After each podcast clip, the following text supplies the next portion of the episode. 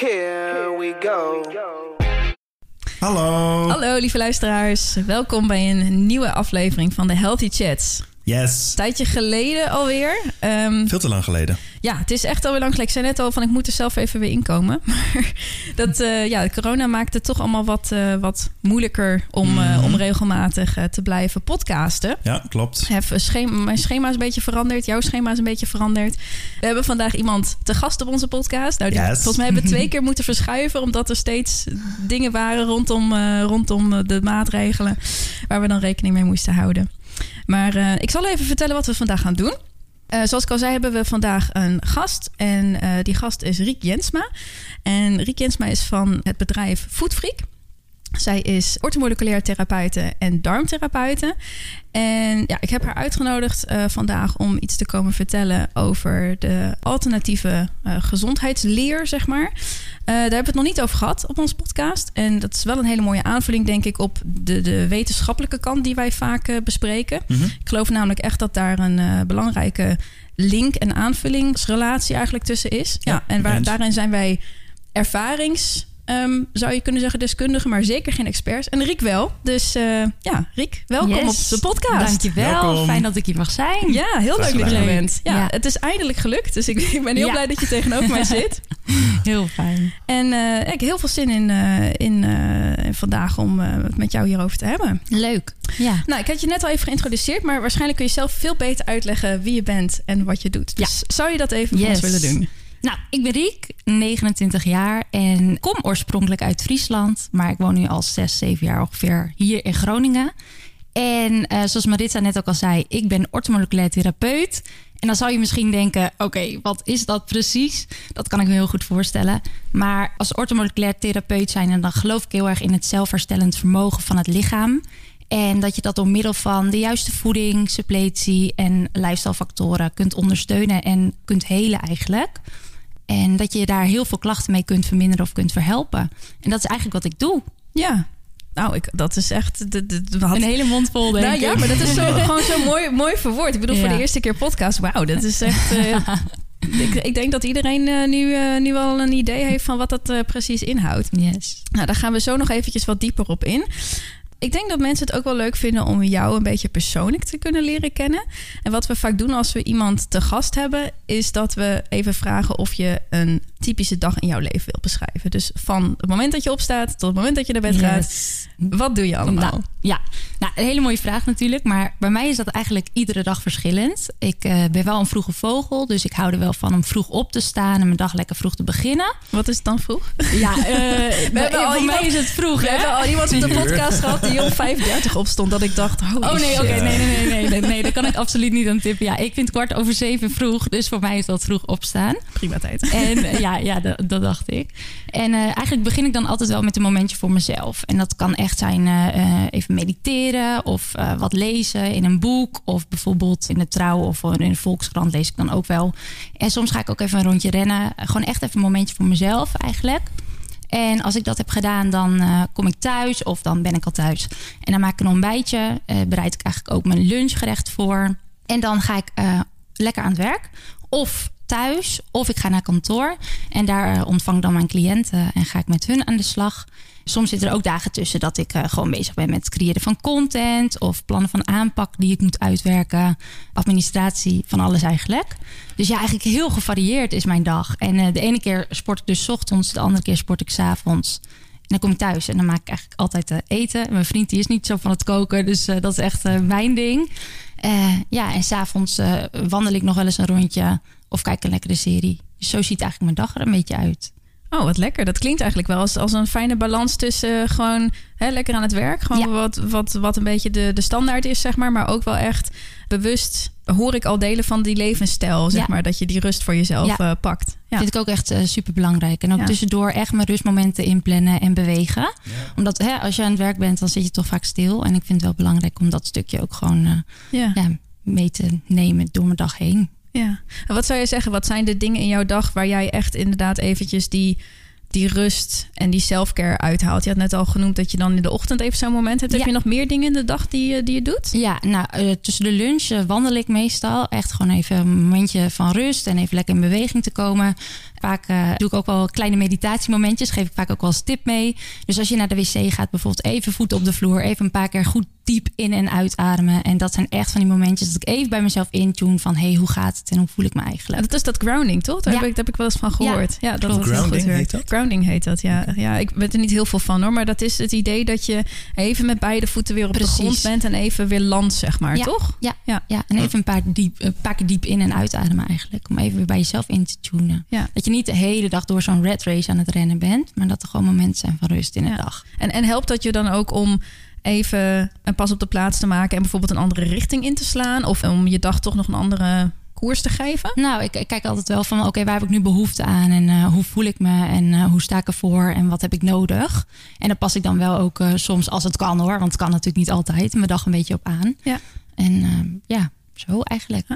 Het klinkt eigenlijk alsof jij, als ik dat zo hoor... alsof jij niet, niet dagen hebt dat je echt helemaal als een kip zonder kop rondrent... en dat allemaal chaos is. Of heb je dat ook wel? Eh, nou, ga het mee, me- meer in mijn hoofd. Maar niet dat ik inderdaad de hele dag door, aan het doorrennen ben. Nee, daar waak ik echt heel erg voor. Ja, Ja. goed zo. Ja. Want als ik het me goed herinner, dan heb jij ook een keer een burn-out gehad, Ja, toch? klopt. Hoe lang Ja. is dat geleden? Nu zo, ja, ik moet altijd even rekenen. Vier jaar geleden, denk ik. Zo, Oh ja. ja. Ja, Wel een tijdje. ja, ja hele heftige tijd. Dus eh, daar heb ik dat ook echt wel eh, Ja. van Dat je, de, hè, dat je een beetje je, je alarmsignalen Ja, wat, wat zeker. onder controle Ja. houdt, zeg Ja. maar. Ja. En dat ik het gewoon heel erg belangrijk vind om eh, bij mezelf in te checken van hoe het gaat en hoe ik me voel. Ja. In plaats van dat je zelf compleet voorbij aan het rennen bent. Ja. En te laat bent met die signalen. Ja. Dat, dat was toen gaande? Ja, Ja. ja. ja, echt. Ik ging Ja. compleet onderuit. Ik luisterde totaal niet naar mijn lichaam. En eh, ik was gewoon helemaal de weg kwijt eigenlijk. Ja. Oh, heftig. Ja. Ja, grappig, want ik hoor vaker van mensen die dat dan hebben gehad, dat ze daarna juist heel goed zijn gaan luisteren naar hun lichaam. Dus het is eigenlijk een soort van bijna blessing in disguise. ja. Omdat Ja. je daarna zo Zeker. wijs wordt in, in de balans Ja. zoeken en houden, zeg maar. Ja. Ja. Op dat moment denk je dat natuurlijk niet. Nee, nee, op dat moment dacht ik, nee, take it away from Ja, me. precies. Dus, dus in die zin zou je bijna kunnen zeggen dat dat de, de, de- een functie van het lichaam is. Om Ja. jou een soort van les te leren. Zeker. Van, eh, ja, ja. zo zie ik het ook echt. Ja, Ja. grappig. Ja. Hoe is dit eigenlijk voor jou om dit te horen, Aldrik, tot nu toe? Want jij bent nog wat nieuwer, denk ik. Ik ben ermee opgevoed met, met deze kijk op gezondheid. Klopt. Voor jou is het wat nieuwer. Hoe vind je dit om dit tot nu toe te horen? Nou ja, kijk, ik vind het leerzaam. Ik denk dat eh, van beide werelden dat die, ehm, dat die zeg maar meer moeten gaan samenwerken. Maar ik snap ook wel dat, dat hoe het systeem in elkaar zit, dat dat lastig is. En dat je dus meer fracties krijgt, zeg maar, tussen de traditionele eh, wetenschap en geneeskunde. En ehm, wat meer alternatieve wijzen. Dus dat, dat snap ik op zich wel. Maar ik vind het wel heel leerzaam zo om, eh, Ja. om dit zo mee te maken. Yes. Ja, Ja, ik, er komt net een vraag in me op en dit is een spontane vraag hoor. Maar dat verschil tussen een beetje alternatieve gezondheid, wat jij dan doet, en een Mhm. beetje dat traditionele medische kijk erop, dat wordt altijd een beetje gedemonstreerd als dat zijn two opposites. Mhm. Maar Ja. is dat echt zo? Ervaar jij dat zo? Of is daar meer overlap dan mensen denken? Ik denk dat er meer overlap is dan mensen denken. Alleen dat ja, dat van heel veel factoren afhankelijk is. Ja. Ja, denk aan tijd, aan geld, aan ja, dat is van zoveel Ja, dingen afhankelijk. precies. En ook de klacht natuurlijk waar iemand mee komt of eh, het Ja. probleem waar iemand tegenaan loopt. Ja. En je ziet wel natuurlijk hè, ehm, nou, in het andere circuit, in het medische circuit, daar zie je heel veel hè, dat, dat heel veel acute klachten eigenlijk worden verholpen.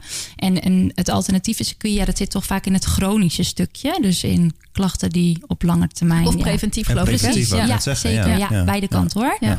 Ja. Ja. Dus waar, waar in het proces zouden klanten bij jou eerder komen? Ik denk Van- als ze langere tijd met hun klachten rondlopen en dat de dokter ze- hun eigenlijk niet verder kan helpen. Precies. En ja. dan komen ze vaak eh, bij mij terecht. Ja. Oh ja, Ja. Of als ze misschien het gevoel hebben dat hun klachten niet zo erg zijn dat ze gelijk medicijnen Zeker. willen nemen, maar wel zo vervelend dat ze denken: Ja. "Meh, ik wil hier wel iets Ja. mee. Klopt. Ik heb heel veel mensen ook met vage klachten die niet zo goed weten van oh, waar komt dit nou precies vandaan? En die ook gewoon behoefte hebben om even te kijken van hey, hoe staat mijn lichaam ervoor? Hoe gaat het met me? En Ja. kan ik dingen doen om, om mijn lichaam een stukje te helpen? En Ja. eh, Te in die context kan ik ook wel begrijpen dat een dokter niet zo heel veel daarmee kan. Zo, als je je klachten niet echt weet te omschrijven, Nee, of dat je even inderdaad wil inchecken, Ja. ga je naar de dokter, ja, waar heb je last van? Ja, Ja, maar dit- Moeilijk ja. om te Ja. zeggen. Ja, Ja, dat- ja. Klopt. Ja, goed, plus, ja, weet je, een dokter die heeft natuurlijk ook maar 10 minuten vaak de Ja, tijd. exact. Ja. Ja. Eh, Ja. nou ja, ehm, Maritza, jij bent ook bij mij geweest. En, je eh, neemt echt wel heel veel tijd. Precies, weet je, voor een intake heb ik zo een, een uur tot anderhalf uur nodig. Ja, eh, logisch dat een dokter dat in 10 minuten niet kan oplossen. Nee, dus klopt. soms heb je daar ook gewoon meer tijd voor nodig. Eh, dus ja. Ja. Ja.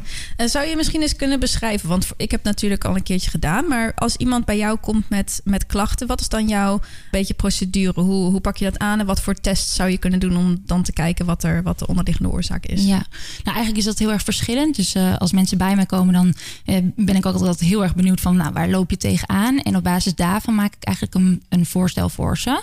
Eh, en dan kijken we, oké, hoe, hoe gaan we aan de slag en waar, waar gaan we überhaupt mee aan de slag? En eh, ik maak heel vaak gebruik van EMB-testen om eens even te kijken van hey, hoe staat het lichaam er nou voor? En dat wat is een kunnen we eh, doen? soort bloedtest, hè? Ja, klopt. Ja. een bloedtest. En dat is op basis van hematologie. Het gaat ook onder de microscoop. En een deel is ook eh, op basis van bioresonantie. Eh, Ehm, kun je uitleggen wat dat betekent voor ja. degene die dat niet weet? ja, nee, nee, hele goede vraag natuurlijk. Eh, Dat is eigenlijk op basis van trillingen wordt er gekeken of bijvoorbeeld bepaalde voedingsmiddelen wel of niet eh, bij je passen. En of het verstandig is om dat wel of niet te eten. Maar met zo'n test krijgen we echt een soort kijkje in de keuken van het lichaam van iemand. Zodat we precies kunnen zien van, nou ja, wat er nou met dezegene aan de hand. En wat kunnen we doen om dezegene ja, te ondersteunen in de dingen waar die ook tegenaan loopt. Ja. Dus eh, nou ja, dat is dan een, hè, een optie waar ik vaak gebruik van maak. En als we die test hebben gedaan, dan eh, komt eh, de uitslag bij mij terug. Maak ik een plan van aanpak voor ze en gaan ze daar mee aan de slag. En meestal na zes weken komen ze dan weer bij me terug. En dan evalueren we van hoe is het gegaan en tegen welke klachten loop je op dat moment nog aan. Zodat we kunnen kijken wat we daar nog aan kunnen doen. Of je nog bij kunt sturen, Ja, zeg maar. Ja. Precies. Ja, en jij neemt ook een beetje, want dat, dat is wat ik weer van mijn moeder geleerd heb. Mijn moeder is homeopathische arts. En toen ik tien was, snapte ik natuurlijk niks van homeopathie. Dus Nee. hoe zij mij altijd uitlegde was van, nou weet je wat ik doe? Ik kijk naar gezondheid, maar niet alleen maar naar de eh, lichamelijke klachten die je hebt, maar bijvoorbeeld ook hoe je leeft en hoe je je voelt en hoe je psychisch, hoe het gaat Ja. en zo.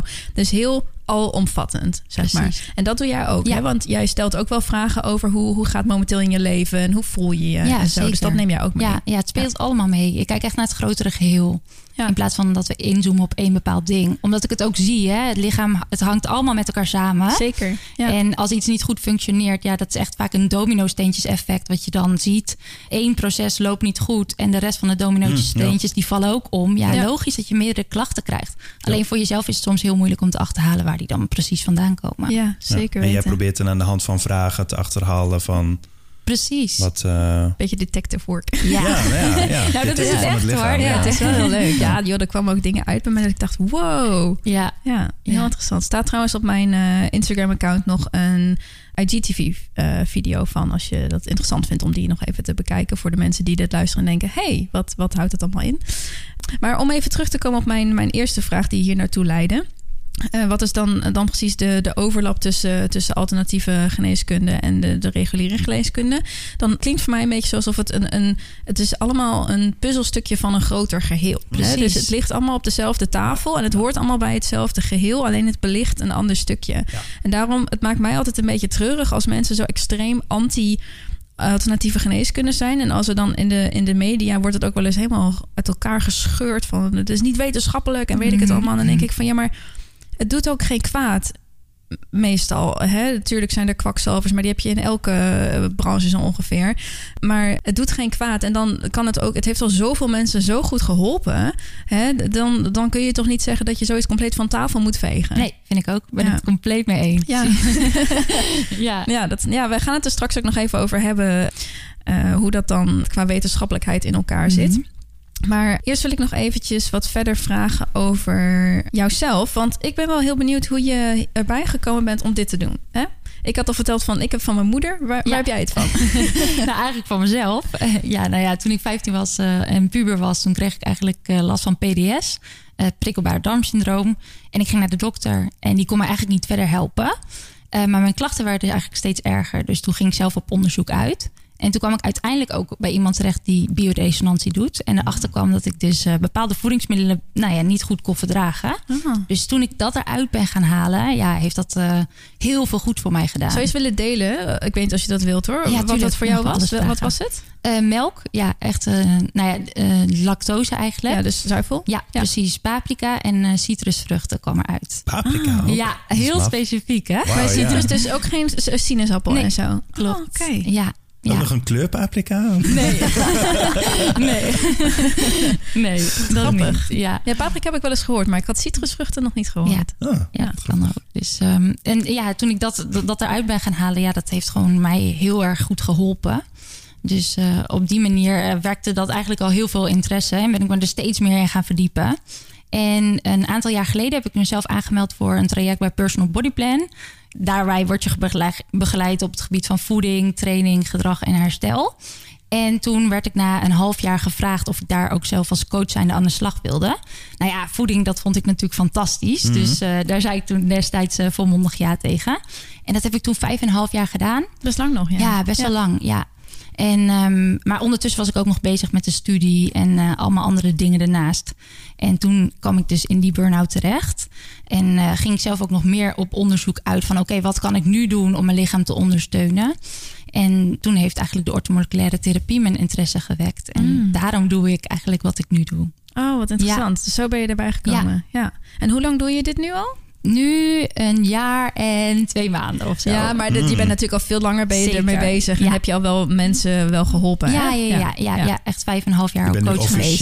Nu ben ik officieel ja, een jaar bezig. Ja, Ja, ja, voor mezelf, zeg Ja, maar, ja, met mijn eigen bedrijf. En daarvoor werkte ik dus echt vijf en een half jaar bij Personal Body Plan. Maar volgens mij is het echt booming bij jou hoor. Dit is even het een, sausje. Maar wat ik begrijp is dat het echt hartstikke goed Ja, gaat bij jou. Wat ja. leuk voor je. Ja, superleuk. Ja, Ja, echt wat een droom die uitkomt eigenlijk. Ja, want Dus, eh, eh, ja, je had echt een, een moedige keuze gemaakt om echt hier helemaal voor te gaan. Ja. ja. Heel eng, maar eh I did it. En eh, ja, hier krijg ik gewoon heel veel energie van. Dus dat is gewoon denk ik heel erg belangrijk. Dat je doet wat je leuk vindt. Ja, helemaal mee eens. ja, heel leuk. Dat is ons mantra ook.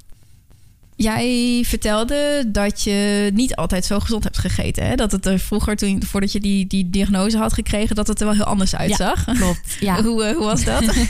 nou ja, toen had ik natuurlijk nog nergens last van. Dus dan ja, staat voeding denk ik ook...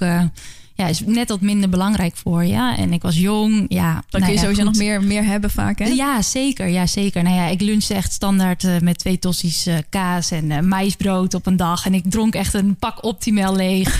Ook in, in, in- omdat ik dacht dat dat dan gezond zou zijn. Eh, S S'avonds was echt kip madras ook echt een favoriete maaltijd. Even uit een pak potje? natuurlijk. Oh ja. uit pak. Ja. ja, ja.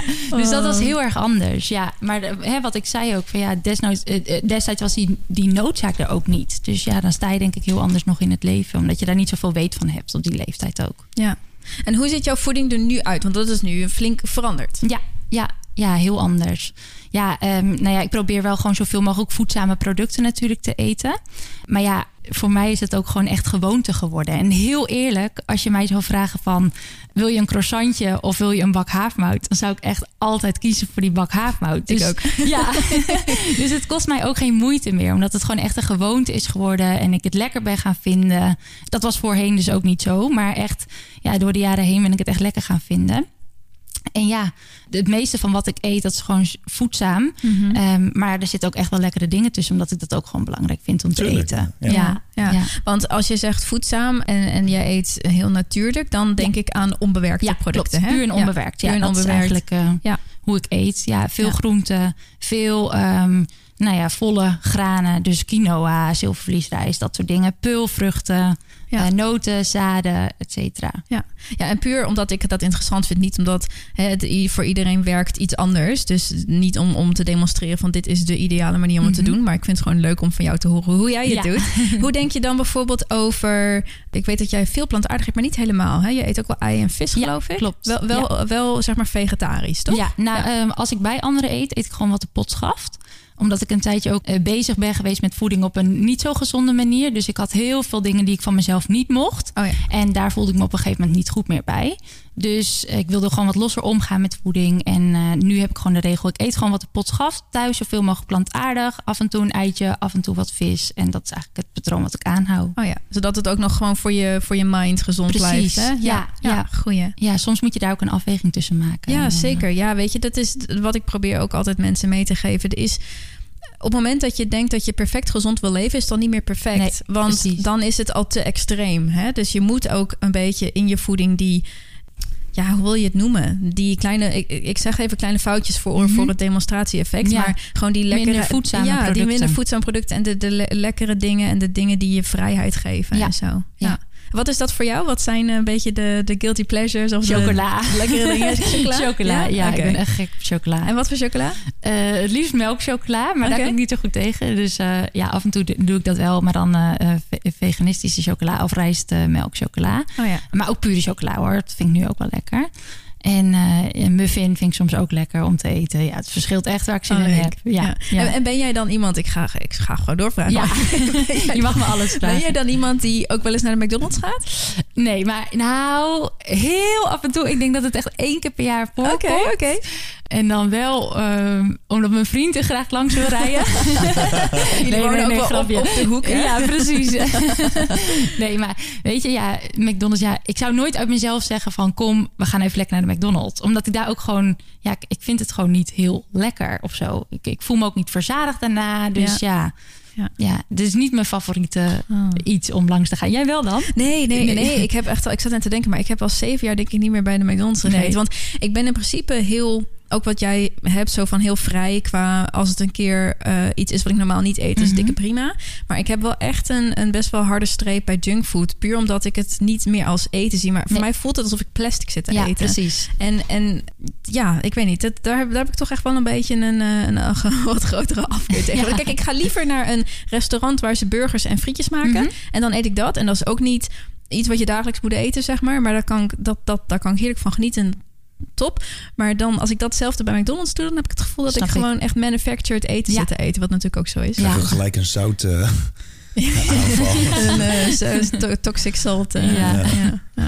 Nee, ja, dit is ook niet mijn voorkeur. Maar ja, Nee. Maar wel, wel goed en eerlijk dat je dit deelt. Want dat, dat voor iemand die dat wel heel fijn vindt, moet dat kunnen. Zeker. Ja, Zeker. zeker. En iemand anders die, die drinkt graag af en toe wijn. En eh, die doet dat. Want jij drinkt ook wel eens alcohol, toch? Of niet? Nou, bijna nooit. Bijna nooit. Nee, en als ik het drink, dan drink ik echt één wijntje of één biertje. Oh ja. Dus ehm, Ik vind 0% heerlijk tegenwoordig. ja, ja, echt. Dat is echt een uitkomst. Ja, dat is gewoon echt fijn hoor. Ja, Het is dus- wel de smaak van, van alcohol, Ja. of van, ja, van bier of wijn.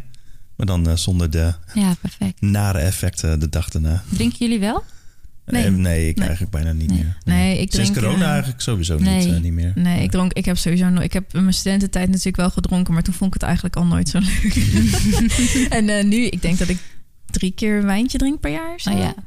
Ja, dat is het. Maar Ja. ik, ik voel me er ook nooit goed na of zo. Het is lekker, want ik vind het wel lekker. Mhm. Gewoon een rood wijntje. Maar ik merk na één wijntje merk ik het al. En Ja. dan eh, denk ik, nou, dat hoeft voor mij niet. Nee, ik heb precies hetzelfde. Dan is het je gewoon niet waard. Nee, het is en omdat je de dag daarna heb ik ook Ja. gewoon last van. Dus dan denk ik, nee. Nee, hè? Ja. Dus, dus mijn eigen theorie is ook dat het lichaam, eh, op het moment dat het lichaam alcohol gewend is, is eigenlijk niet een heel goed teken. Nee. Nee, als het Nee, je niks meer denk doet ik de volgende dag, dan... eh, Ja, nou, ik, ik, het is wel heel interessant, want ik heb toevallig ben ik me momenteel aan het verdiepen in Ayurvedisch eh, eten. Daar ben ik, ben ik ook heel erg fan van. Ik heb net een Ja. boek gekocht, een fantastisch mooi boek. Het heet volgens mij Living Ayurvedic Mhm. of zoiets. Voor als je het eh, interessant vindt, het is een prachtig lifestyleboek. En eh, dat gaat dus ook een beetje over welke voeding en welke levensstijlkeuzes je energie geven en wat energie rooft. En alcohol is natuurlijk een absolute energierover. Want het, het geeft je even kort het idee dat je, dat je even on top of the world bent, zo ongeveer. Ja. En daarna ben je ongeveer twee dagen lang moet je lichaam die energiereserves weer, eh, weer aanvullen. heb je uit Ja. Ja. Ah, ja, dan heb je het over, spreek je uit ervaring, eh, André? Ja, ja.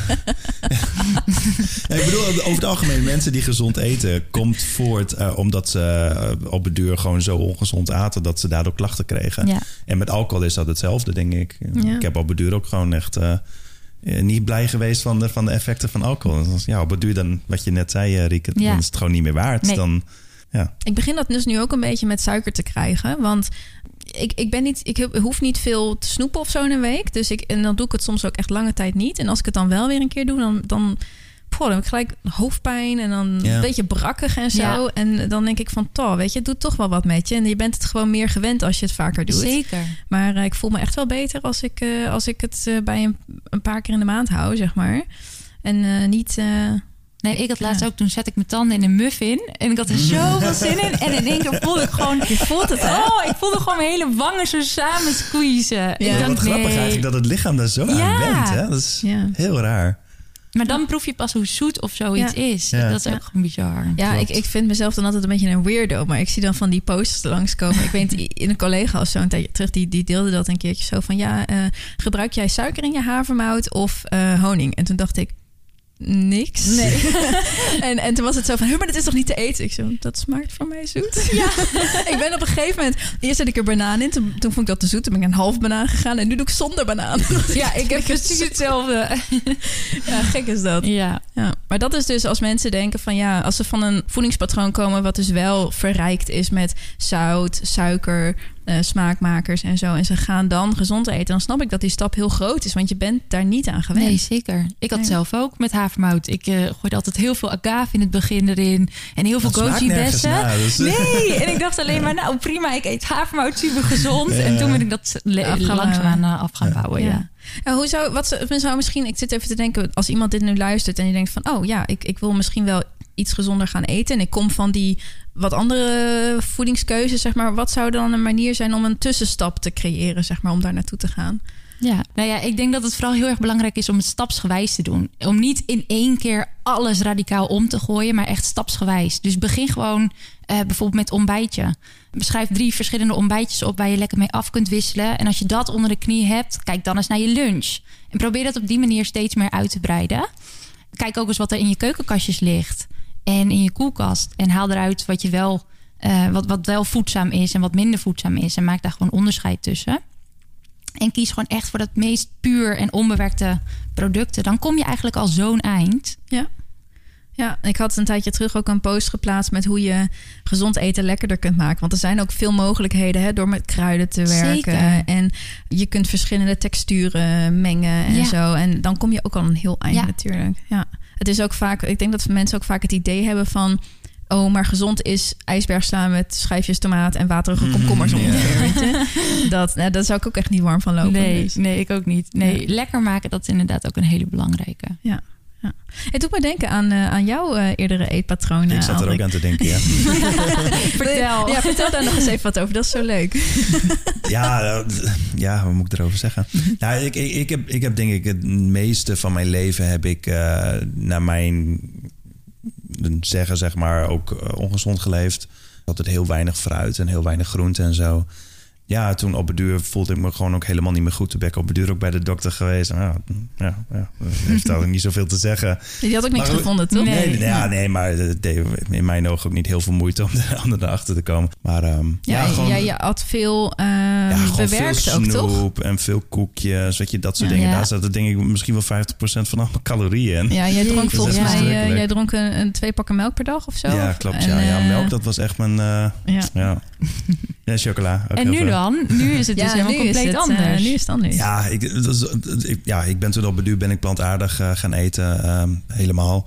Moest je daar nog aan wennen aan die smaakverandering? Of ging dat, het ging best wel snel, snel Nou, mij. nee, kijk, ja, eh, voor als luisteraar moet je niet denken van dat dit nou zeg maar de norm is. Want ik denk dat ik hier eh, absoluut eh, alles behalve de norm ben. Mhm. Want bij mij was het gewoon een of andere dag. Ik was er gewoon flauw van en ik had alle melk en zo had ik weggegooid. Al het ongezonde had ik weggegooid uit mijn kastjes. En toen ben ik gewoon ja, overgeswitcht. Omdat ik er gewoon echt flauw van was. En ik wilde dat gewoon niet meer. Ja, Dus knap. dat, dat was ja, hoe het voor mij gewoon werkt. En ja, we hebben het er al eerder een keer over de podcast gehad... dat je twee, drie verschillende type mensen hebt. En in elk geval dat ik het type ben die gewoon alles in één keer moet ja. doen, Ja. radicaal. Op het moment dat hier chocola op tafel ligt, dan, dan gaat die ook op, zeg maar. Dus ik moet het gewoon ook allemaal Ja. niet in huis hebben. ja, dat, dat, dat heeft voor mij gewoon goed gewerkt. Maar eet je dan nooit meer iets lekkers? Ja, de behoefte is er dus nu niet Nee. meer. En het is niet, kijk, als ik gewoon met vrienden nog, ja, weet ik wel, leuke dingen ga doen, eh, spelletjes of zo. eh, en er staat chips op tafel, dan neem ik het wel. Maar Mhm. ja, dat is eigenlijk het enige Ja. dat ik dat Maar dat doe. is ook een mooie balans om te hebben, toch? Ja, vind ik Ja, wel. Ja, ik ja, ja. Ja. Ja, ik, ik kan er dan ook gewoon niet, niet aankomen. Dat, Nee. dat is- ja. Ik denk ook gewoon dat je smaak ook helemaal verandert. Ja? Als je zo. eenmaal Ja, gewoon is echt eh, zo. bent Ja. geswitcht. Ja. En dat je daar gewoon steeds minder behoefte aan naar Ja. hebt. Ja, Ja. Ja. zeker weten. Ja. En dat gaat vrij snel. Dat, wat ik me kan herinneren was dat echt binnen een paar weken Ja. dat het gewoon radicaal was veranderd. Gewoon die hele Ja. smaak. En als je dan weer iets neemt, vooral eh, dingen met suiker en zo, dan, dan is het bijna gek dat je Ja. dat dan proeft. Het is heel maf. Nee, mooi. Dus dat, eh, mensen, ja. mensen gaan er altijd zo in van... oh, maar dan moet ik zo erg mijn best doen om die gezonde voeding vol te houden. Terwijl op een gegeven moment dan voelt het niet meer als je best wordt doen. Dan gaat Nee, het gewoon gaat automatisch. Het is echt Ja. gedrag eh, geworden, klopt ja. Ja. ja. Dat duurt natuurlijk wel even langer voordat je dat patroon uiteindelijk Ja. gewoon in je leven hebt geïmplementeerd. Maar eh, ja. Ja, want ik zeg ook altijd, kijk, toen ik eh, 15 was, toen at ik natuurlijk compleet anders. Mhm. En nu eet ik natuurlijk ook he- heel anders, veel gezonder, eh, of eh, veel voedzamer in ieder geval. Ja. Maar ja, daar zitten weet ik veel hoeveel jaren tussen, weet je. Dat, heeft Ja. echt, dat is niet vandaag op morgen gekomen. Nee, en klopt. iedere keer ga je weer een stapje verder. En iedere Ja. keer wordt het weer makkelijker. En ja. Ja. wordt het meer automatisch. Ja. Ja. Ja, en ik denk voor mij ook, wat- het was niet echt, ik had geen, geen einddoel in zich, zeg maar. Dus voor mij was het gewoon van, ik, ik ga over. En het is niet dat ik nou ergens naartoe wil. En omdat ik dat ding niet had, had ik ook nooit het gevoel ergens in te falen of zo, Nee, weet je wel. Dus dat ja. is dan weer het, Oh ja. het voordeel van als je, als je niet een doel stelt of zo, als dat logisch klinkt. Ja, Ja, Dat is gewoon van, dat- ja, ik wilde er gewoon vanaf. Ik wilde gewoon, ja, het enige je wat ik focust- gewoon weer goed voelen, zeg Ja, maar. Dat, dat is het enige. Ja. Je focust gewoon op het hier en nu in plaats van Ja, op, precies. op een, ja, een exact. doel of zo. Ja, Ja, ja. ja. Dus als ik dan een keer weer wat, wat ongezonder eet, dan was het ook van, ja, oké. dan- Ja, Dan dat is het prima. zo. Ja. Ja. dat is ook, Ja. moet ook oké zijn. Ja, dan heb, ja, je, de- heb je een Ja. mooie balans, denk ik. Ja. Ja. Het is wel grappig, want ik denk er net aan... nu jullie verteld hebben hoe jullie aten... dacht ik van, oh, maar ik heb ook niet mijn hele leven zo gegeten. want ik, ik heb wel... Dit is mijn- ergens een omslagpunt. ja, ja. ja. maar ik heb dus ik heb nu al dik zes jaar veganistisch. Eh, of plantaardig zou je dan kunnen zeggen. Met af en toe een eitje op jou aanraden. Mhm. Inderdaad, dat doe ik dan wel. Maar ik beschouw mezelf alsnog wel als grotendeels plantaardig. Want nou, ik eet misschien eh 12 eieren in de maand. Ja, dus dat is niet heel veel. Maar ik had altijd het idee dat ik gezond at. Wat jij dan ook een beetje had. Maar ik, ik had echt dat, dat typische sportersdieet. Weet Oh je? ja. Dat superveel kip Veel en zuivel, tonijn. ja, en ja. Mijn, Kwark. mijn, mijn standaard, ja. mijn, ja, oh, ugh, dat kan ik echt niet meer. Wijproteïne, oh, Ja. ik heb van die, van die huge spotten van 5 kilo. Dat, als ik daar schaam me nu gewoon bijna voor, jongen. Maar in mijn, eh, mijn lunch was altijd, dat is echt heel erg hoor. Mijn lunch was altijd volgens mij eh, drie eieren, waarvan één ei geel en dan drie keer eiwit, tonijn er doorheen en dan nog kaas. Het is echt gewoon alleen maar eiwit. Het Ja. is echt, en dat, Neem niet dat- eens op. Dan, dan dacht ik dat ik echt super goed bezig was, Ja. weet je. En ik was, ik was altijd slank, maar dus dat, is niet, dat was niet het eh, grote, grote verschil. Maar toen ben ik dus ook plantaardig gaan eten doordat ik klachten had. Zo ben ik erop Ja. gekomen. En toen dacht ik echt, holy shit, dit is echt, wat, wat, wat, wat was ik aan het doen? Ja, echt, hè? Ja, en ik voel me zoveel beter nu. Ja. En ik, heb, ja, dit, ik deed het toen ja, een beetje ja, tegen de klachten en, en om, om gezondheidsredenen. En ik dacht dat ik toen gezond was, maar dan, dan gaat wel een hele andere wereld nog voor je open daarna. Zeg Ja. maar. ja. Is het gek op om, om een stelling te zeggen van op het moment, en ik snap dat elk lichaam anders is, maar als je op een duur klachten krijgt door eten, dat je dan bijna per definitie dus blijkbaar niet gezond eet? Of dat ja, je dan, tuurlijk. Het zijn signalen van je lichaam. Tenminste, zo zie ik het wel. Ja, Ja. of iets waar je niet tegen kunt. Ja, dat, dat is Precies, wat ik bedoel inderdaad. kijk, ja. je mentale gesteldheid kan natuurlijk ook heel veel fysieke klachten veroorzaken. Mhm. Eh, dus ja, daar moet je ook altijd goed over nadenken. Maar ik zie het wel als alarmsignalen van je Ja. lichaam. Van Ja. hé, hey, er gaat hier iets niet helemaal goed. Dus. En dat is dan vaak dat kantelpunt bij mensen dat ze Precies. denken van oké, ik, Ja. moet, ik moet dus blijkbaar iets anders doen. Dat Ja. is grappig. Wat ik heel interessant vond, wat ik van jou heb geleerd toen ik bij jou was eh, voor die consulten, was dat je lichaam heeft ook niet op elke tijd hetzelfde nodig. Want Mhm. afhankelijk van je psychische staat en wat je doet, eh, heeft je lichaam meer of minder van iets nodig. Ik had altijd zo'n beetje het idee van, nou, dit is een gezonde voeding. En ik had het idee dat ik dat nu al een beetje snapte. Maar jij zei dus van nee, maar als je veel sport, dan moet je ook meer van dit nemen. En als je veel stress hebt, dan heb je ook, moet je meer daar en daarop letten. Mm. En toen dacht ik, oh, kijk, dus dat speelt ook nog mee. En waarschijnlijk ook nog wel de tijd van het jaar en misschien je leeftijd en zo. cyclus. Ja, cyclus inderdaad. Ja, interesting. Grappig. Ja. Heb, gewoon even persoonlijk vraag. Maar heb je wel eens ehm, gekeken zeg maar, naar hoe onze voorouders hebben gegeten in verhouding met, met nu? Gewoon Ja. evolutionair gezien? Ja. Wat, Ja. wat heb je daarvan geleerd? Nou, eh, ja, die, die zijn ook natuurlijk helemaal back to the basics, weet je. En Ja. eh, daar was ook niet alles altijd voorhanden. En die aten niet zes verschillende vruchten of wat dan ook. Alleen wat er voorhanden was. Ja. Dus dat is natuurlijk wel heel interessant om daar ook naar te kijken en hoe zij aten. Het paleo-dieet, ik weet niet of je dat kent, dat Ja. komt heel erg dichtbij. En ehm, ja, toen hadden we natuurlijk ook nog geen brood en nog geen granen. En ja, we zien natuurlijk wel steeds meer voedingsintoleranties daar ook hè, ontstaan eigenlijk. Ja, je kunt je afvragen of dat eh, natuurlijk ook komt doordat we heel anders zijn gaan eten dan onze voorouders. Want als je dat vergelijkt en kijkt naar het lichaam, ja, eigenlijk zijn we nog helemaal niet gewend aan het eten wat we nu eten, zeg maar intern. We voeden onszelf nu met minder voedzame producten. En da- ja, daar protesteert het lichaam gewoon op een gegeven moment tegen. Niet bij iedereen, maar dat zien we wel steeds vaker eh, gebeuren eigenlijk. Ja. Ja, ja, want je hebt ook nog dat sommige mensen kunnen dingen beter opnemen dan anderen. Dus dan zullen ze dat ze minder Ja. snel voelen. Ja, Ja, want ik hoor dan wel eens van... "Hé, ja, maar wat is dat nou weer voor bewering? Want ik heb daar geen last van. Ja, jij bent één persoon in... Dat kun je nooit als, als uh, algemeen iets zeggen voor iedereen. nee. Maar is het dan ook zo, het feit dat je ergens tolerant voor bent, betekent toch niet gelijk dat het dan goed moet zijn? hoe bedoel je? Nou, eh, stel mensen die eh, zijn tolerant voor, voor zuivel en melk. Mhm. Dat betekent niet dat dat, dan, dat dat dan ook goed voor het lichaam is. Het, het feit dat je daar tolerant voor bent. Eh, nee, nee, ja, nee, nee, dat hoeft inderdaad niet zo te zijn. Want kijk, signalen kunnen ook pas veel later komen. Hè? Dus misschien ga je nu heel goed op bepaalde producten of het eten wat je eet. Ja, en in de loop van tijd en in de loop van tijd eh, ja, krijg precies, je allemaal klachten. Ja, Ja. Dat weet je soms niet. En de ene krijgt nergens last van en de ander krijgt wel ergens last van. Ja, Ja. dat kun je natuurlijk nooit op voorhand zeggen. Nee. Het is van heel veel factoren afhankelijk. Ja, ja interessant. Als, als iemand nu deze podcast luistert, hè, misschien nog helemaal niet zo bezig is met, met deze kant van gezondheid. En wel een beetje denkt van goh, hè, daar wil ik me ook wel eens in verdiepen. Mhm. En ik, ik zie wel dat er veel voordelen aan zijn en eigenlijk weinig na- nadelen. Hoe kan iemand dan op een laagdrempelige manier beginnen zonder dat hij gelijk weet ik veel wat hoeft te kopen of aan cursussen te doen of Ja, noem maar op. vraag. Ja, eigenlijk hebben we het net ook al een beetje besproken natuurlijk. Want ja, de basis is gewoon zo puur en onbewerkt mogelijk eten. En als je daaraan houdt, dan kom je denk ik al een heel eind. En ja, ik hanteer eigenlijk altijd daily essentials. Dus wat je op een dag nodig hebt en weekly essentials. En die daily essentials bestaan eigenlijk uit... nou ja, twee porties groente op een dag. Dus dat komt neer op eh 400, 500 gram. Twee stukjes fruit. Sowieso een handje nootjes of zaden, avocado of andere plantaardige oliën. En echt volle granen. Dus in plaats van witte rijst, zilvervliesrijst of quinoa. Dat is eigenlijk een hele mooie basis eh, wat je op een dag binnen kunt krijgen. En in de week zou je echt één keer per week minimaal peulvruchten moeten eten. En als je niet plantaardig eet, zou het mooi zijn als het je lukt om één à twee keer per week vette vis te eten. Dat is een mooi lijstje. Ik denk dat, dat als je hier bijvoorbeeld eh, wekelijks één ding uit omzet en Ja. je gaat steeds meer er naartoe werken, Precies. dat, dat je dan al wel een heel eind komt. Want mijn ervaring is ook dat als je je erop focust wat je gaat toevoegen, Mhm. dat het fijner voelt dan wanneer je erop focust wat je moet weglaten. En Ja. dat het eigenlijk, want als je de goede dingen eet, dan blijft er ook minder ruimte over Ja. voor, voor de wat andere dingen. Want Ja. je zit vol. Ja. Daarom, Dus, het verzadigt veel beter. ja, dus dat zou je eens kunnen doen in plaats van denken van dit moet allemaal niet meer. Dus kijken van hé, wat, wat, waar kan ik eigenlijk toevoegen? Ja, Het focust ook op het positieve in plaats van op het negatieve. Ja. Ja, zeker weten. Ja. Ja. Van, we, we vinden het nooit leuk om iets uit ons leven te halen. Nee. Dat, zijn Nee.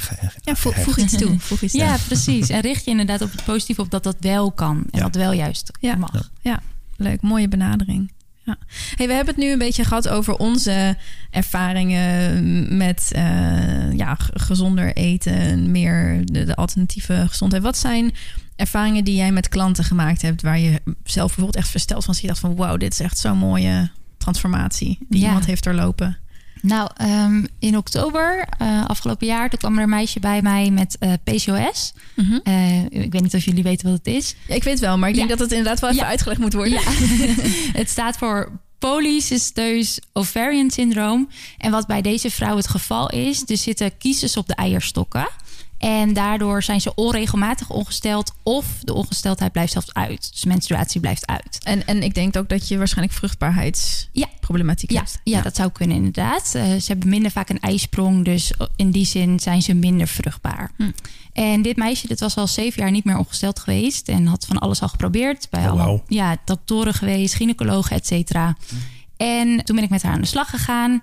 Eh, we hebben een EMB-test gedaan om even inzicht te krijgen van nou, waar staat zij? Wat heeft haar lichaam nodig? Echt een kijkje in de keuken van.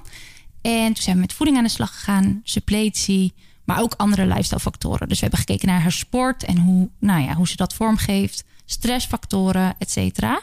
Het hele plaatje Ja, weer. precies. Echt het hele plaatje. Want dat is zo ontzettend belangrijk. Het ligt niet alleen aan voeding. Het is echt de combinatie van. En na zes weken hadden we een eindgesprek op de planning staan. En ze was nogal sceptisch, want ja, ongesteldheid was nog steeds uitgebleven.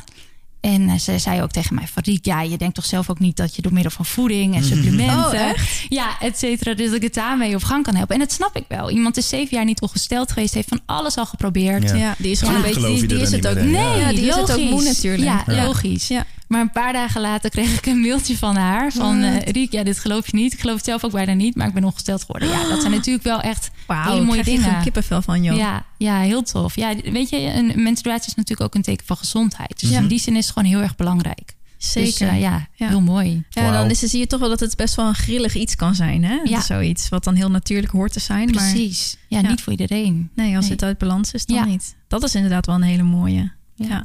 En voelde zich eh, gewoon algemeen beter? Ja, Eh, want ze, wat- ze wat- had wat ook echt verder? het idee dat ze er geen moeite voor hoefde te doen. Dus ze Ah. had zoiets van, ja, maar hallo, hoe kan dit mij dan helpen, weet Ja. je wel? Mhm. Ja, Ja, en uiteindelijk ja, hielp het toch. wauw. Wat fijn. Ja. Wat Mooi goed. verhaal. Ja, Oké, en, en over het algemeen, want dit is een, echt een, een, een prachtig resultaat Mhm. natuurlijk. Wat echt heel bijzonder is, zeg maar. En heel mooi om, om mee te mogen maken met een, met een cliënt, denk ik. zeker. Wat is het een beetje, wat kunnen mensen verwachten? Wat is een, een algemene verbetering die je zo'n beetje gemiddeld zou kunnen verwachten? Ja, nou ja, dat is natuurlijk heel erg afhankelijk van wa- waar iemand mee Ja, komt. Hè? De die heeft daar last van, de ander loopt daar tegenaan. Maar wat ik wel vaak zie is dat die menstruatiecyclus ja, veel beter eh, vorm wordt gegeven, om het zo maar te zeggen. Of dat het gewoon echt weer op de rit komt. Ja. Mensen minder last krijgen van PMS-klachten, darmklachten. Ja, dat dat gewoon echt de klachten zijn ook waar mensen hè, mee komen hoor. Ja. Eh, maar dat die over het algemeen wel echt verminderen. En ook echt dat ze meer energie hebben, meer geluk ervaren en eh, Oh ja. minder down. eh, Ja, en beter slapen misschien ook? ja, zeker. Ja. Ja. ook beter slapen en meer ook die rust kunnen vinden in plaats van altijd in die red race staan en Ja. eh, doorgaan. Ja. Ja, zodat ik het eventjes nog goed herhaal. Want jij krijgt natuurlijk mensen met heel veel verschillende klachten. Dus Ja. de verbetering die, die is ook heel individueel. Precies. Maar over het algemeen ervaar je op elk vlak wel een mate van Ja. verbetering. ja. En Ja. vaak zoom ik daar ook op in hoor. We kijken ook echt naar slaap en naar stress en naar voeding en naar suppletie. Want Ja. wat ik net ook aangaf, het is gewoon echt het grotere plaatje. Ja. Dus je moet ook met alles aan de slag Ja, om ervoor te zorgen Logisch. Ja. Ja. beter gaat. Ja. Ja. Nou, ik ben heel blij dat ik eh, naar jou ben gegaan. Want ik twijfelde er al best wel een tijdje over. Of twijfelde, dat wil ik niet zeggen. Maar ik dacht er al een tijdje over om, Ja. om het eens te proberen. Eh, omdat ik dus ook nadat ik eh, overspannen was geweest... eh, niet echt meer mijn flow had of zo. Mhm. Maar ik kon ook niet de vinger opleggen. Dat zei ik toen ook tegen je van... Het is niet dat ik die of die klachten heb. Maar ik voel me gewoon net niet Nee. of zo. En ehm, ja, dat lag dus eraan dat ik gewoon niet de juiste supplementen en voeding had die dan op dit moment bij mij passen. Zeg maar, ik eet wel heel gezond, maar het moest even net iets geshift worden. En eh, ja, ik heb gewoon mijn energie weer terug. Ik had eerder dat ik rond een uur of vier, vijf, dan was ik echt ingekakt. Ja, En nu dat, dat heb ik gewoon niet door. Ik denk, oh, half zes, prima. Weet je, ik kan gewoon Ja, nog en ik slaap weer goed. En eh, ik ben ook een stuk gelukkiger. Wat ook denk ik wel te maken heeft met wat andere veranderingen in mijn leven, zeg maar. Maar ja, dat, dat, heeft, dat begon toen al. Dus dat heeft zeker wel eraan bijgedragen. Ja, Ja, dus ik ben heel, heel blij. Ik doe het ook nog steeds. Dus ik ben nog steeds eh, wel braaf met supplementen aan het Jee. slikken. ja, nou mooi. Goed om te horen. Nou, ik had eh, daar straks al even aangekondigd dat we nog... ehm, nog in willen gaan op het wetenschappelijke stukje ervan. Want dat is een tijdje terug in de media geweest. hè, Mhm. dat de EMB-testen dan vooral helemaal ripped apart met het is niet wetenschappelijk. En ehm, nou, dat, dat je daar niet je geld aan zou moeten besteden. En we hadden in het begin natuurlijk al genoemd dat het eigenlijk een beetje zonde is om er op deze manier naar te kijken. Omdat het in plaats van dat het.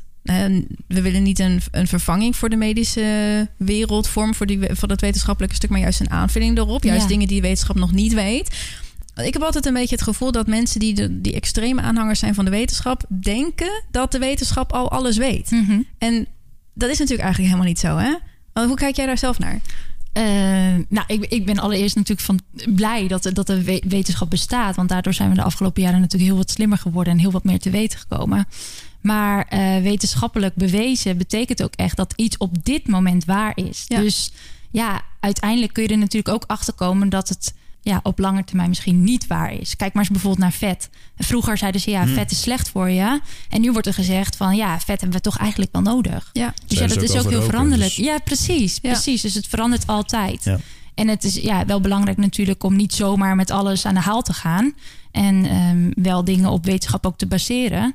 Maar als iets niet wetenschappelijk bewezen is, hoeft dat niet eh, te zeggen dat het niet waar is. Ja. Maar eigenlijk is dat ook een klein beetje de definitie van wetenschap. Want Mhm. wetenschap is per definitie veranderbaar. Het, Precies. het gaat mee Ja. met de ontwikkeling. Ja. Het is alleen een, ja, een fase vaak. En op het moment dat er weer andere wetenschappelijke studies komen die andere resultaten laten zien, dan is het nog steeds wetenschap. Ja, Ja. Het resultaat is alleen eh, Ja. anders doordat we nieuwe inzichten Mhm. hebben of et cetera. ja. Het is een beetje een tijdelijke waarheid. Ja, zo, Ja. ja. zo Ja. kun je het zien. Ja. Ja. Ja, ik denk de wetenschap helpt om, om die puzzel die, die er is over Ja. gezondheid en andere dingen in het leven ja, steeds exact. Duidelijker te maken. Ja. Maar soms dan leg je een puzzelstukje verkeerd Ja. en dan moet je hem weer uithalen. Precies. En dan veranderen die andere puzzelstukjes natuurlijk ook. Zo Ja. kun je het een beetje zien. En wetenschap is niet soort van in steen ge Graveer. gegraveerd. Ja. Hè, Het is alsnog veranderbaar inderdaad. En Ja. ik denk wat veel mensen denken is dat dat eenmaal als het eenmaal ergens op in een wetenschappelijk paper heeft gestaan, dan is dat gewoon zo. Mhm. En, en wat daadwerkelijk gebeurt is dat er een onderzoek gedaan wordt en dan komt iets uit en vervolgens worden er heel veel onderzoeken gedaan om te testen of dat inderdaad waar is. Soms komt daaruit dat het niet waar is, maar daar hoor je alweer veel minder van. Hè? En dat gaat eigenlijk de hele tijd tot een pingpongballetje heen en weer van dit hebben we gevonden. Is dat waar? Wordt het getest? Oh nee, is niet waar. Oh, dan moeten we het nog een keer testen. Oh, maar we vinden het weer. Hè? Maar hoe kan dat dan? En zo blijven ze heen en weer gaan. En dat wat je in het nieuws en zo van de wetenschap hoort, dat is 5% van wat er gaande is. Hè? Dus het is een heel onvolledig beeld wat wij krijgen van, van de wetenschap. Ja. Ja. En dat is ook zo frustrerend eraan. Want op het moment als er, als er eh, bijvoorbeeld eh, tien studies uit zijn gekomen over bepaalde voeding, dan moeten eigenlijk eh, de, de, de, de, de wetenschappelijke journalisten die studies A communiceren en B daar een holistisch beeld van creëren. En dat is, dat is volgens mij wat, wat heel veel mist, gewoon überhaupt natuurlijk in de wetenschap. En dat is wel jammer, want daardoor krijgen wij een heel gefragmenteerd beeld van, Ja. eh, Ja. van, van de waarheid, van Klopt. de realiteit, zeg Ja. maar. En in dit geval dan ook van gezondheid. Maar het is soms ook heel moeilijk. Hè? het is Want als je, super complex, ja. En als je dan bijvoorbeeld iets opzoekt over, ja, ik noem, noem altijd het voorbeeld van koffie. Als je opzoekt of eh, hè, wetenschappelijke bewijzen over dat koffie goed voor je is, Mhm. zul je dat vinden. Ja. Maar ook het tegenovergestelde. Ja, en dat Ja. maakt het soms Ja. wel heel erg lastig. Ja. Van wat is dan waar? Ja. Ja. Ik denk dat het altijd in de context en in de juiste context Klopt, moet ja. plaatsen. Ja. Ja, zeker. En dat het ook eh, misschien heel individualistisch is. Ja, dat Ja. denk ik ook. Maar dat, Ja. dat is ook één ding. En dat is ook één ding wat ik merk wat mensen niet altijd weten van wetenschap. We hebben in de wetenschap hebben we, ik zeg dit we, omdat ik ook een wetenschappelijke studie heb gedaan, maar Mhm. en ik heb dit allemaal erin gestampt gekregen. Eh, op een gegeven moment hebben mensen afgesproken, als we zo'n en zo'n resultaat hebben, dan kunnen we zeer waarschijnlijk aannemen dat het waar is. Ja. Maar zeer waarschijnlijk betekent niet 100%. Er is Mhm. altijd een bepaald percentage wat een toevalsresultaat zou kunnen zijn. Ja, er is een soort van consensus. eh, Ja, dus we hebben gewoon eh, afgesproken... ja. als we 95% of, of eh 99% hebben... Dan, dan gaan we ervan uit dat het waarschijnlijk wel klopt. Ja. Maar het is geen 100%. En wat ook zo is, is dat je om die cut-off te bereiken... dus laten we even van 95% uitgaan... eh, hoeft niet iedereen die heeft deelgenomen aan het onderzoek... hetzelfde goede resultaat te hebben gehad. Ja. Hè? We, gaan- we zeggen altijd van nou, een, een wetenschappelijk onderzoek... eh, geldt eh, als, als valide, als geloofwaardig... als we 100 mensen hebben. Nou, stel dat eh 97% of 97 mensen die hebben... eh, een goed resultaat, maar drie mensen niet, dan geldt voor die drie mensen dus een andere waarheid Ja. op dat moment. Hè? En dat klinkt misschien van ja, die drie mensen, maar als jij een van die drie mensen Precies. bent, dan maakt het Ja. je wel uit. Ja. Zeker. Dus maar ja. statistisch gezien is het dan natuurlijk eh, Statistisch gezien voor de, voor de accept- 97... accepteren we ja. dat het, dat het de Ja. waarheid is voor Ja. iedereen, maar dat Ja. is dus Nee. niet zo. Ja. En eh, wat ik ook wel een beetje jammer vind, en daarin zit, zit deze alternatieve gezondheidshoek. De medische wereld heeft veel meer geld om zulke grote onderzoeken te doen. Ja. Alternatieve gezondheidswereld nog niet. Mhm. Dus wat, wat je vaak ziet is dat er onderzoeken zijn van 20 personen, waarvan dan misschien ook 17 goed resultaat hebben en drie niet. Wat eigenlijk bijna neerkomt op hetzelfde, maar waarvan dan gezegd wordt: ja, maar dat geloof is niet geloofwaardig, want geen 100 mensen. ja, Ja, klopt. oké, maar dat is wel een hartstikke goed Ja. resultaat voor 17 Ja. eh, personen. Ja, plus dat er natuurlijk hè, in wetenschap, daar zit, zit heel veel geld. Ja. In het al- alternatieve circuit veel minder. Want als Ja. jij, hè, de farmaceutische industrie, die wil dat natuurlijk ook wel graag financieren. Want Ja. die kunnen er weer patent op aanvragen, et cetera. ja, ja, ja. En met kruiden en dat soort dingen, ja, dat kan helemaal niet. Dus daar is ook veel minder. Er zijn wel onderzo- onderzoeken naar gedaan, maar veel minder vaak en veel minder groot, et cetera. Dus dat is natuurlijk ook een verschil. Ja, dus in die Ja. zin, de farmaceutische industrie die heeft daar gewoon niet zo heel veel aan. Daar, zit voor hun geen incentive Nee, om daar eh, om daar veel geld in te doen. Nee, Ja, precies. Dus daarom gaat het op Het is wel het daar belangrijk veel om te langzamer. weten voor dat soort eh, context om te weten. Ja. Ja, nou, ik ben echt wel voorstander van dat je de dingen die je doet even researcht. Mhm, Hè? zeker. Ehm, maar dat je, je kunt zelf namelijk heel veel onderzoeken gewoon vinden. Hè, je kunt zelf on- opzoeken, stel je wilt een onderzoek vinden over de werking van kurkuma. Nou, dan kun je gewoon eh, intikken eh, research paper eh kurkuma healthy of zoiets. En dan geeft hij je een aantal resultaten. En als je dat onderzoek, je hoeft vaak maar de abstract te lezen. Daar staat dan in wat ze gevonden hebben. En hoe ze dat gedaan hebben zo ongeveer. En als jij denkt van, hé, hey, maar ze hebben 50 mensen gebruikt... en 42 hadden een goed resultaat en geen bijwerkingen...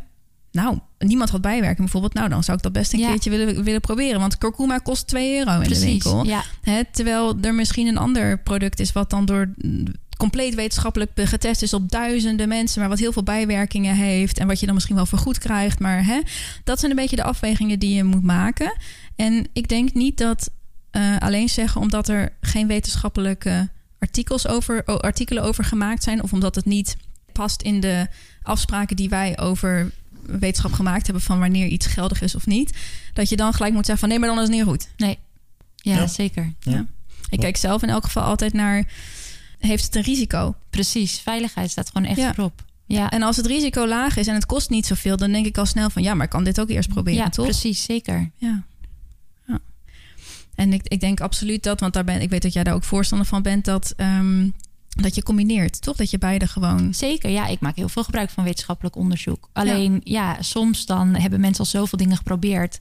En als dan ook de onderzoeken naar bijvoorbeeld wat jij zegt, kurkuma zijn gedaan, wat heel veel ja, goede voordelen kan hebben. Ja, en het is veilig in gebruik. Ja, waarom zou je het niet proberen? Weet Ja. je? Dat is natuurlijk altijd iets wat je moet afvragen. Want misschien werkt dat wel juist voor diegene. Ja, ik denk dat het een hele mooie aanvulling kan zijn... op, op daar waar de wetenschap jammer genoeg af en toe dingen laat vallen. Omdat ze, ja, ze zijn, en dat snap ik, ze zijn ook gebonden aan die, aan die regels die we over, over wetenschap hebben. En daar mag alternatieve eh, wetenschap of kunde- geneeskunde mag zich daar nog wel in bewegen en, en dat gebruiken. En kan zich daarin bewegen zonder dat ze, nou ja, dat ze iedereen op, op de dak krijgt zo Ja. ongeveer. Maar dat is toch prachtig? Ja, fantastisch. Plus dat we denk ik ook niet moeten vergeten dat wanneer iets wetenschappelijk bewezen is, daar gaat vaak ook heel veel tijd overheen. Ja, zeker weten. Dus de Ja. wetenschap loopt in die zin soms ook wel een beetje achter met ja, dingen waar het alternatieve circuit al mee bezig is. Ja. Ja, ik heb gehoord eh, vanuit mijn opleiding dat de onderzoeken die wij in de boeken kregen, die waren zo ongeveer 20 jaar geleden waar, waren ze gedaan en, Ja. en gevonden. En daar baseer je nagaan. de, Ja, ja, ja. de Ze kennis zijn gewoon op. 20 Ja. jaar achter. Ja. Ja. Ja. Ja, kijk, het is ook een mooi voorbeeld. En dat, is- dat is een beetje een, een treurig voorbeeld, vind ik ook altijd. Maar wij hebben destijds eh, een vak gehad over. ehm, ehm, hoe heette dat ook alweer? Ik weet niet meer hoe het heette, maar het ging over wanneer wetenschap eh, niet betrouwbaar is. En daar hadden we ook een heel stuk over hoe dat toen gegaan is met roken. Dat is ontzettend lang Oh, tegengehouden Ja, eh, dat Ja. dat ongezond was. Ja. Met wetenschappelijke artikelen die door iedereen erkend werden. Ja. Hè? Dus het is echt niet. ehm, er kan echt wel in gecheat en gerommeld worden. dat is toch met vlees en zo nu net zo. Daar- ja, ik denk, dat ze, ik eh, denk dat ze het met vlees nog niet helemaal zeker weten. Eh, dat weet je vaak pas achteraf. Maar ik denk dat je een beetje je common sense mee moet nemen zelf. Ja. Ja. En als je kijkt naar het voedingscentrum bijvoorbeeld en de financiers daarvan, Ja, ja, ja, dan vraag ik ja. me soms ook af van wat Ja. zit daar dan Ja, precies Ach, maar, maar er dat- zitten belangen bij. Ja. Ja, er zitten zeker weten belangen bij. En dat, dan- dat is volgens ja. mij misschien nog wel het belangrijkste. Als je kijkt naar wetenschappelijke studies, dan, die kunnen dan wel resultaten laten zien. Maar wat voor incentives zit erachter en wat voor belangen zitten Precies. erachter? Ja. Ehm, nou goed, ja, ik, ik weet dat in de, in de vleesindustrie zit nu gewoon heel veel ja, lobbyisten, zeg maar, die, Mm. die studies ehm, eh, financieren. Dus ja, die, die, die zijn natuurlijk, die hebben baat bij een bepaald eh, ja, resultaat. Ja. En, en ja, dat, Ja. dat on- in de naam van wetenschap kan het dus alsnog een, een eh, biased eh, experiment zijn. Ja. En wat, Dus dat, wat er gebeurt vaak is dat ehm, onderaan een onderzoek moet altijd staan wie het gefinancierd heeft. Mhm. En wat je vaak ziet is dat dan een onderzoek naar ehm, is rood vlees slecht voor je? Gefinancierd door een of andere grote partij die vlees eh, produceert of zoiets. En wat die zullen doen is dat ze een, het onderzoek zo opzetten dat ze eigenlijk alleen maar positieve uitkomen. resultaat Ja. kunnen vinden. Ja. En dan de context is dan compleet gestript. Ja. En dan lijkt het heel goed. Ehm, en als je dan even, even duidelijker gaat kijken, dan zie je dat ze bijvoorbeeld het eten van rood vlees vergeleken hebben met iemand die alleen maar junkfood eet. Ja. Ja. En dan denk je, ja, ja. natuurlijk is dat beter. Weet je, hallo. Ja. En, en daar, daar moet je echt, dat laten ze dan even heel erg conveniently weg, zeg maar. Ja, maar, dat media pikt is het heel- wel op. Nou, niet meer en meer, ook door social media, steeds meer. En Mhm. doordat mensen echt meer zelf op zoek gaan. Maar het, is niet een holy grail of zo. Het heeft niet een heilige naam, het, het helemaal wetenschap. Daar moet, als echt, moet je echt zelf nog wel even een beetje in diggen... om te zien wat echt goede onderzoeken zijn... en wat, Ja. wat, mm, ja, wat gewoon een beetje... Ja. Ja, ik- wat ik bedoel, kijk, de media die, die gaat natuurlijk aan de haal met zo'n artikel en die framet het ook zoals hun dat willen. Zeker. Oh, ja, Eh, ja. en, en de ja. meerderheid van de mensen die, die, eh, die, die, die interpreteert dat dan ook zoals eh, de media het heeft gedaan. Ja. Maar dat is dus eh, wat ik eerder zei. eh, Dat, daar zit denk ik een groot probleem met het vertalen van de wetenschap naar de normale mens. Dat in mijn Zeker. ogen Klopt. daar, daar mist een, een heel groot Ja. onderdeel. Stuk storytelling is daar heel belangrijk bij. Want mensen zijn toch inherent storytelling mensen. Mhm. Eh, dat, dat is de manier waarop wij informatie gemakkelijk eh, verwerken. Eh, maar daar mist dus een connectie. Ja. En ja, de gewone mens die kan wel naar zo'n artikel lezen. Maar over het algemeen... Nee, dat ja, dat is niet. heel moeilijk om Ja. daar een, een, een beknopte conclusie uit te halen. Ja. Eh, de media heeft natuurlijk ook weer zelf eigen belangen. En dat Ja, tuurlijk. is Ja, ja, natuurlijk zeker. kijk- Ja. en leescijfers krijgen. Ja. Dus zij zullen, zullen ook de dingen eruit pikken die interessant zijn. En dan Ja. is het natuurlijk super interessant om te lezen dat, dat rood vlees eigenlijk helemaal niet zo slecht is als we dachten. Precies. Zo ongeveer. Plus dat, dat degene die die artikelen schrijven, dat zijn journalisten, die zijn vaak ook niet getraind in het lezen van een wetenschappelijk artikel. Hè? Dus die, die, die Ja, dus die wetenschappelijke journalisten, die missen nu heel erg veel. eigenlijk Om, wel. om, om ja. die vertaalslag te kunnen maken van Ja. eh, de wetenschap naar de gewone mens. Ja, ja als, je, eh, als je naar een wetenschappelijk artikel kijkt... en het hangt een beetje vanaf waar je naar kijkt... maar soms dan is dat moeilijk te lezen. Ja. Ja, maar goed, het is niet om wetenschappelijk slecht te maken... en ik hoop niet dat je dat hieruit haalt of zo... maar meer om eventjes een beetje, toch een beetje kritisch te zijn... op dat, dat wetenschap echt niet het, het, het maatstaaf voor alle dingen is, zeg maar. Klopt. Ja. En volgens mij is het dan ook nog dan zo, volgens mij hoor, is dat bij jou wat jij doet vaak wordt gekeken van ja, maar dat is dan veel placebo of eh, wat, wat, wat kun je Mhm. daarover vertellen? Eh, nou, veel placebo, dat, dat, dat durf ik zo niet te zeggen. Maar kijk, weet je, ehm, de dingen die ik doe, ja, dat, dat is gewoon heel erg op lifestyle gebaseerd. Ja. En daarmee kun je gewoon heel veel bereiken. En ik kan nooit zeggen, oké, jij bent nu, jouw klachten zijn nu opgelost doordat we dit hebben gedaan. Omdat het Mhm. gewoon echt dat geheel Omdat is. het ja, precies, is. Ja, Ja, dus ehm, Maar om, om het zelf te reframen, wat nou als het placebo is, in hoeverre is dat überhaupt erg? nee, dat is helemaal niet ik erg. Ik, dus lees altijd nu af, hoor. toevallig een boek over het placebo-effect. Nou, Ja. fantastisch. Ja. Fantastisch. Ja, leuk, ja, ja, Kijk, ik want als super het werkt, interessant. dan werkt het. Ik- Daarom. Ik, ik, ik weet ook dat er, dat er eh, voor mensen die bijvoorbeeld terminaal zijn eh, of, of kanker hebben, ehm, maakt het ook heel erg veel uit hoe erg zij in, het, eh, in de behandeling geloven. Ja. Dat, dat maakt gewoon een heel groot deel uit. Want als, als zij er zelf niet in geloven, dan gaat het waarschijnlijk sowieso. eh. Ja. Ja. dus, dus zelfs daar zit, zit, zit, zit toch een heel groot deel placebo. Ja. Ja. Is- dat kun je er niet uithalen. Dat, dat is niet hoe mensen Ken werken. je het boek van Joe Dispenza? Nee? Nou, die moet je echt lezen. Ja? Nou. Ja, ik, ik, ik weet nu even niet zo goed de titel, maar iets met placebo. En dan gaat het ook over hè, mensen die ziek zijn. Die zeggen dan soms wel eens van...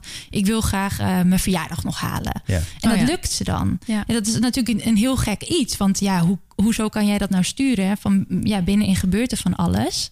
En ehm, nou ja, dat, nou, je moet het boek eigenlijk gewoon Ja, lezen. Het is gewoon super zei interessant. You are the placebo. You are the placebo. Ja. Van Joe Dispenza. Oké. We hebben hem even opgezocht. Dat, dat is de titel. Interessant. Ja, die wil ik ook wel eh, ja, lezen. heel interessant. Het doet me denken aan een, een resultaat wat ik een tijdje terug nog had gelezen over wat nou, wat nou echt zorgt voor longevity. Dus eh, wat, wat, wat, welke factoren zorgen ervoor dat je het oudste wordt. Dan hebben ze over een hele grote schaal hebben ze helemaal wetenschappelijk, geen zorgen jongens, he- eh, hebben ze gekeken naar eh, is dat voeding? Is dat eh, niet of wel of niet roken? Wel of niet bewegen?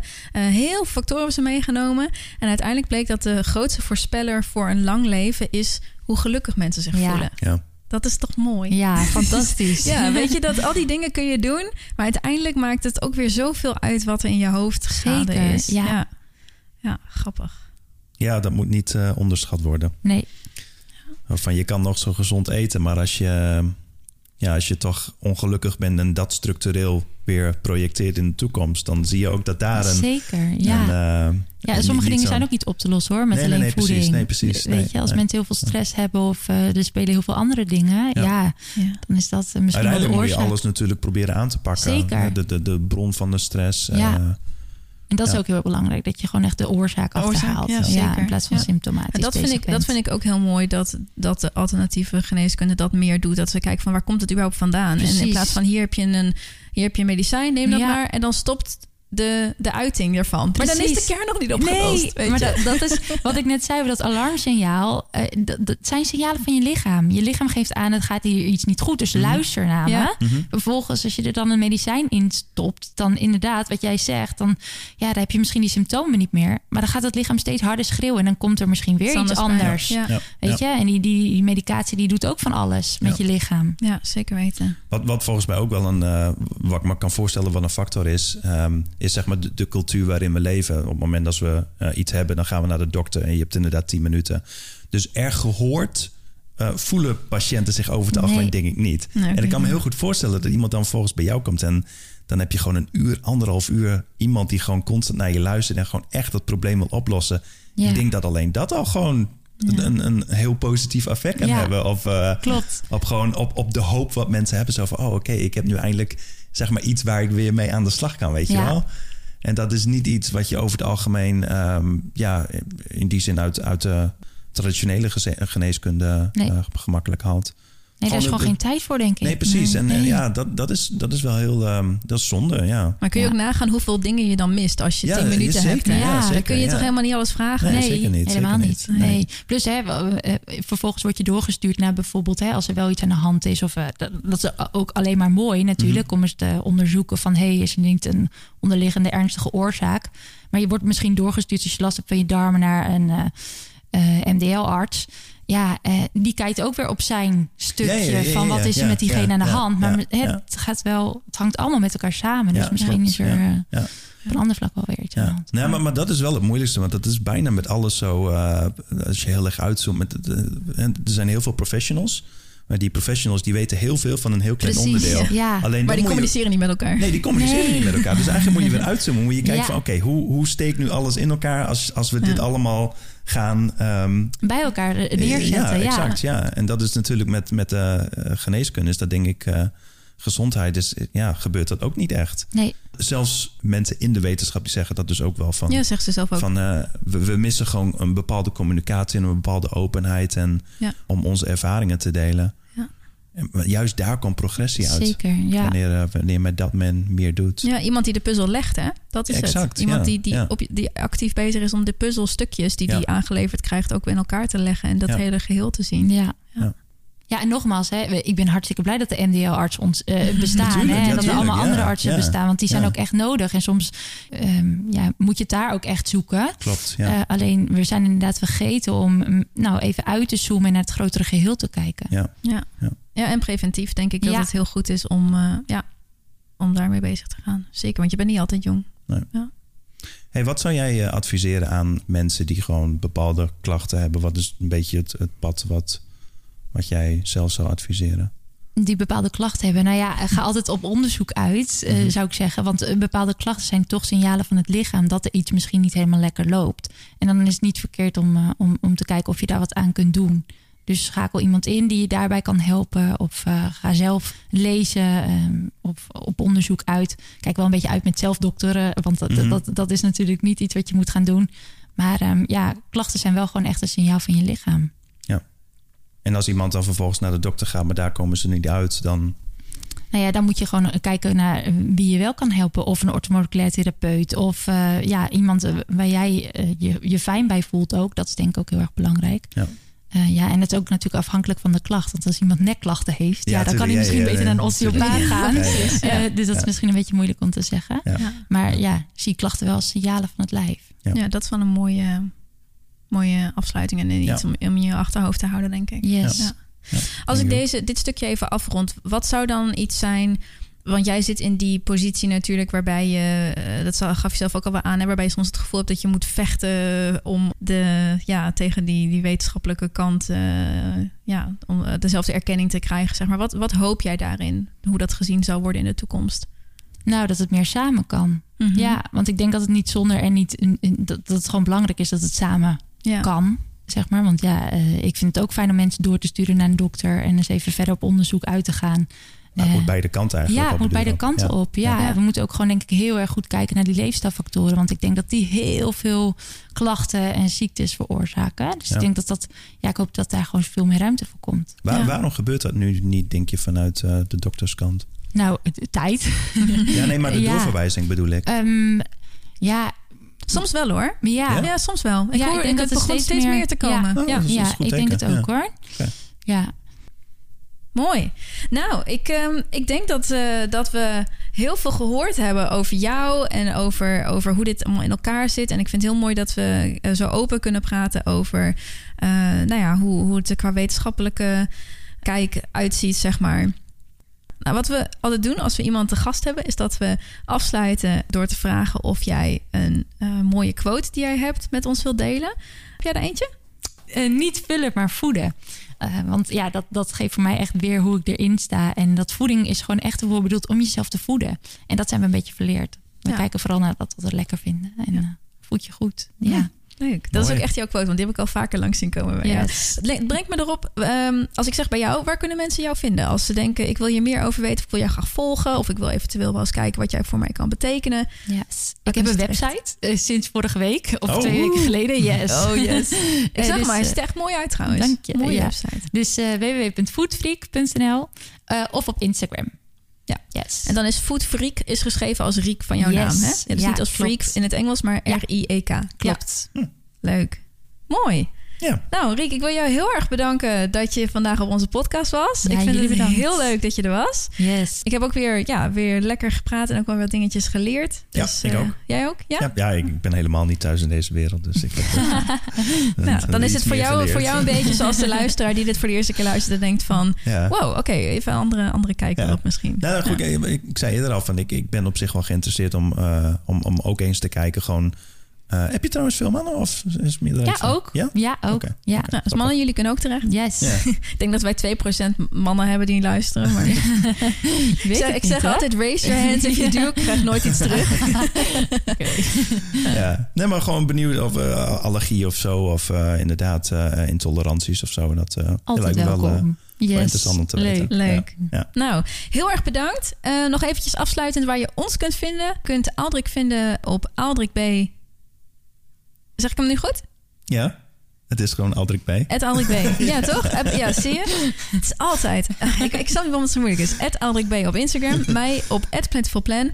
Eh, ons op The Healthy Chats. Yes. Eh, op ehm, eh, Instagram. Instagram. En natuurlijk op Spotify, maar dat weet je al. eh, of een ander kanaal waar je ons luistert. En eh Foodfreak, eh Riek, dus nogmaals bij Yes. het Foodfreak kun je haar ook vinden. Heel leuk dat je geluisterd hebt vandaag. Ik hoop dat je wat hebt geleerd. En eh, hopelijk ook eh, tot gauw als alles mee zit. Yes, tot snel. Dankjewel, Riek. Doei doei.